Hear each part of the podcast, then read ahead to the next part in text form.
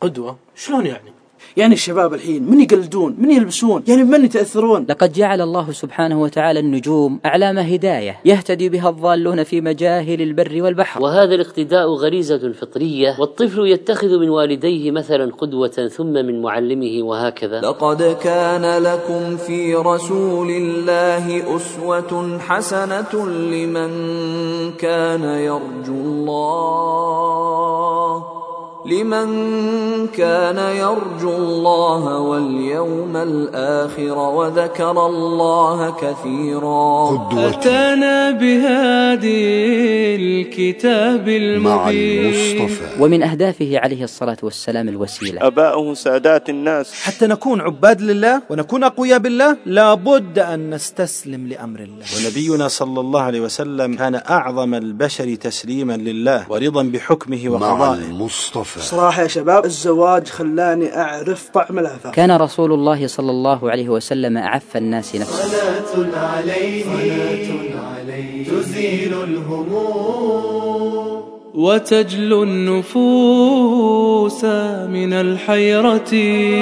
حمل النبي صلى الله عليه وسلم أعظم مسؤولية وأجل مهمة إنها مسؤولية الرسالة. ومع هذا كان رسولنا صلى الله عليه وسلم يتفقد أصحابه. عاش نبينا صلى الله عليه وسلم والصدق بساطه والأمانة دثاره. وزكاه ربي بخلق عظيم وطهر حباه.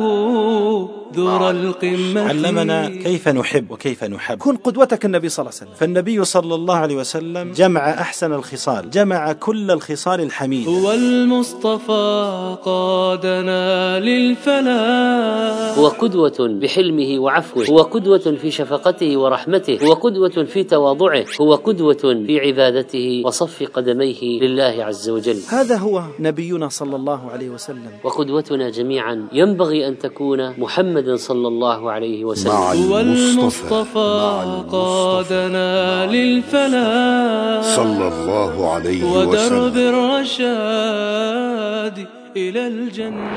هذا البرنامج جزء من حملة قدوتي. تفضلوا بزيارة موقع الحملة على الإنترنت www.kudwati.com q u d w a t y.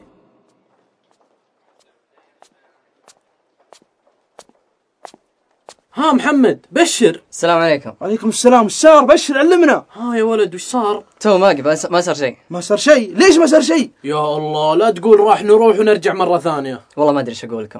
لكن النتائج باقي ما طلعت؟ ما طلعت. متى تطلع طيب؟ يا أخي والله ملينا وإحنا قاعدين نستنى. قالوا إن شاء الله ساعة أو نص ساعة. ساعة ونص ساعة بعد ننتظر زيادة. حرق الدم. يا الله الله يعين بس. طيب يا شباب أنا ودي أسألكم يعني فاضيين إحنا ما عندنا شغل. وش ودكم تصيرون بالله اتركنا من أسئلتك هذه. يا أخي خلنا ننجح الحين بعدين نفكر وش نصير. تفكر يا عيسى. إيه بعدين نفكر خلي النتائج تطلع. يعني ما ببالك شيء مرة؟ لا أنتم ببالكم شيء طبعا أنا كنت أدرس وناوي اتابع دراسة الطب. الله يعينك على الطب. اما أنا يا شباب والله اني خايف. والله ودي بالهندسة الله ييسر إن شاء الله. طيب وأنت إذا ما حصلت آه، علامات الطب وش تبي تسوي يا محمد؟ إن شاء الله إني أحصل على علامة الطب. لأني درست وتعبت وكان ببالي هالشيء من أول.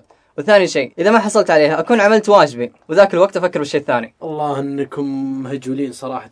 يا شباب خلونا ننتظر النتائج.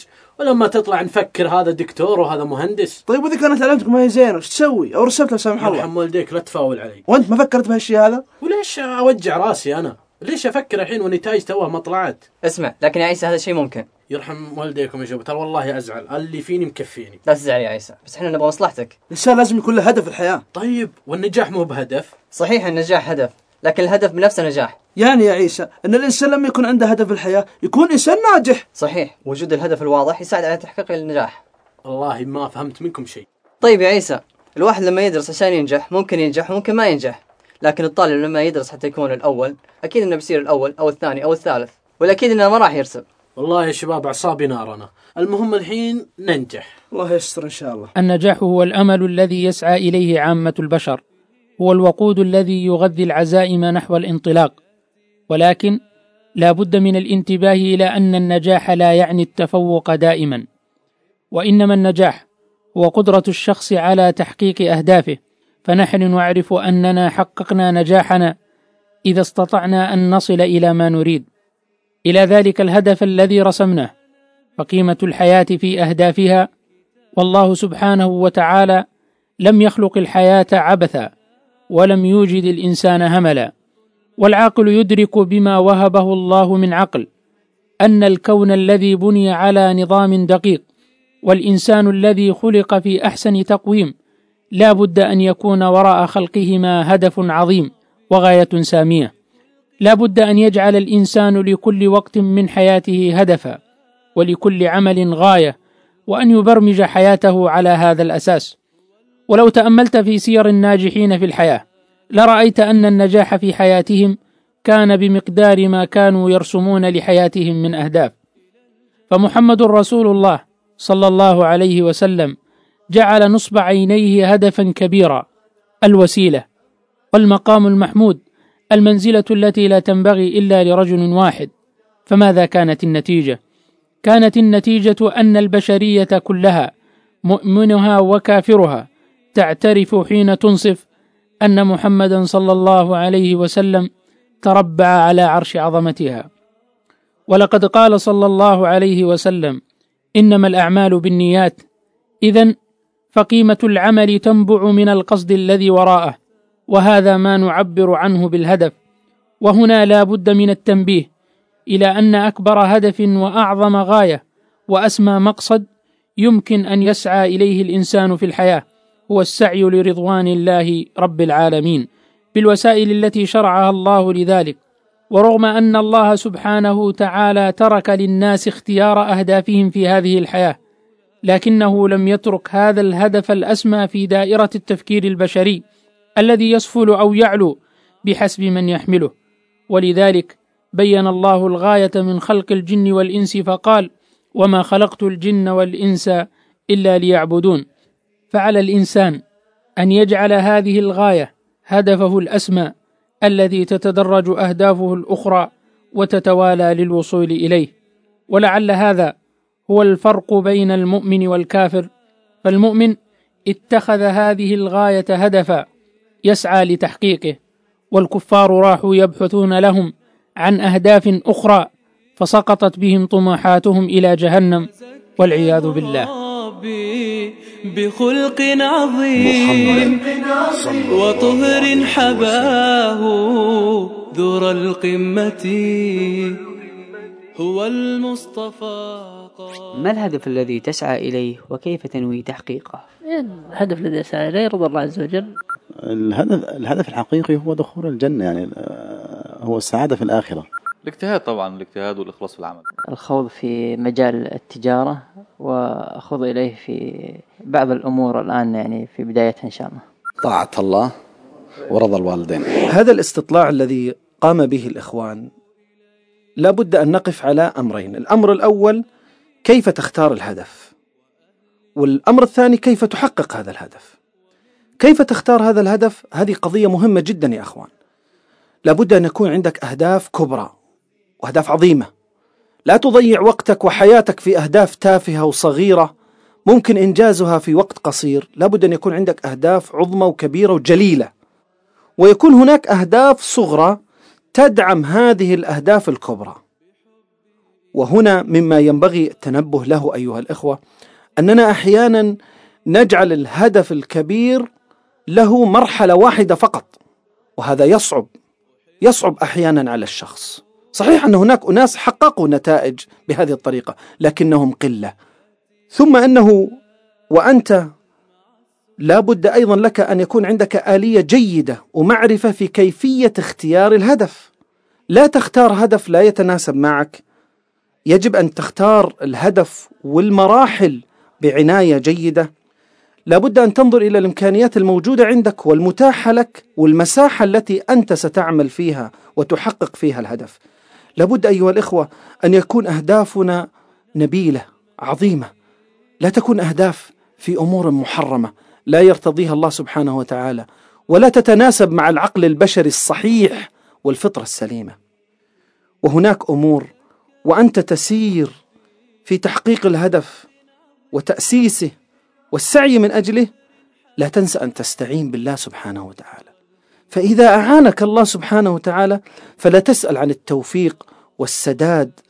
يريك الحق حق ويرزقك اتباعه ويريك الباطل باطل ويرزقك اجتنابه. اختياراتك تكون موفقة إذا الله سبحانه وتعالى استعنت به حق الاستعانة يجعل اختياراتك دائما موفقة وطريقك دائما سهل. يجعل لك من بعد أمرك يسرا والجميع الأمور والعقبات بإذن الله ستجتازها وسيعينك الله سبحانه وتعالى على اجتيازها. لا تنسى أيضا قضية ترتيب الأولويات ولا تنسى أيضا الصحبة. لتكن صحبتك مع ناس همتهم عالية لا تكن مع صحبة دائما يخذلونك ويعظمون الأهداف. ولا تنسى أن من أعظم وسائل تحقيق الأهداف الصبر والعزيمة والجد والمثابرة. يحن الفؤاد فيسري المداد بحب إمام الورى قدوتي. مع المصطفى. إن الأهداف التي رسمها النبي صلى الله عليه وسلم تدل على أنه رسول الله فهي أهداف ربانية تختلف عما يمكن أن يحلم به البشر.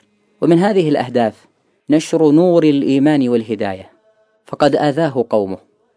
فجاءه ملك الجبال فيما روى مسلم عن عائشة رضي الله تعالى عنها وعن أبيها فقال يا محمد إن الله قد سمع قول قومك لك وأنا ملك الجبال وقد بعثني ربك إليك لتأمرني بأمرك فما شئت. إن شئت أن أطبق عليهم الأخشبين. فقال له رسول الله صلى الله عليه وسلم بل أرجو أن يخرج الله من أصلابهم من يعبد الله وحده لا يشرك به شيئا. ومن أهدافه عليه الصلاة والسلام الوسيلة. روى مسلم عن عبد الله بن عمرو بن العاص أنه سمع رسول الله صلى الله عليه وسلم يقول إذا سمعتم المؤذن فقولوا مثل ما يقول ثم صلوا علي. فإنه من صلى علي صلاة صلى الله عليه بها عشرا ثم سلوا الله لي الوسيلة فإنها منزلة في الجنة لا تنبغي إلا لعبد من عباد الله تعالى وأرجو أن أكون أنا هو فمن سأل لي الوسيلة حلت له الشفاعة. هذا البرنامج جزء من حملة قدوتي. تفضلوا بزيارة موقع الحملة على الإنترنت www.kudwati.com q d w a t y. لقد اشتهر صلى الله عليه وسلم بالأمانة والصدق قبل البعثة ولكن كانت له مواقف تدل على حكمة نادرة وقد تجلى ذلك يوم جددت قريش بناء الكعبة وعندما تنازعت قبائل قريش فيما بينهم من الذي يضع الحجر مكانه؟ فقالوا نحكم أول من يدخل من باب بني شيبة.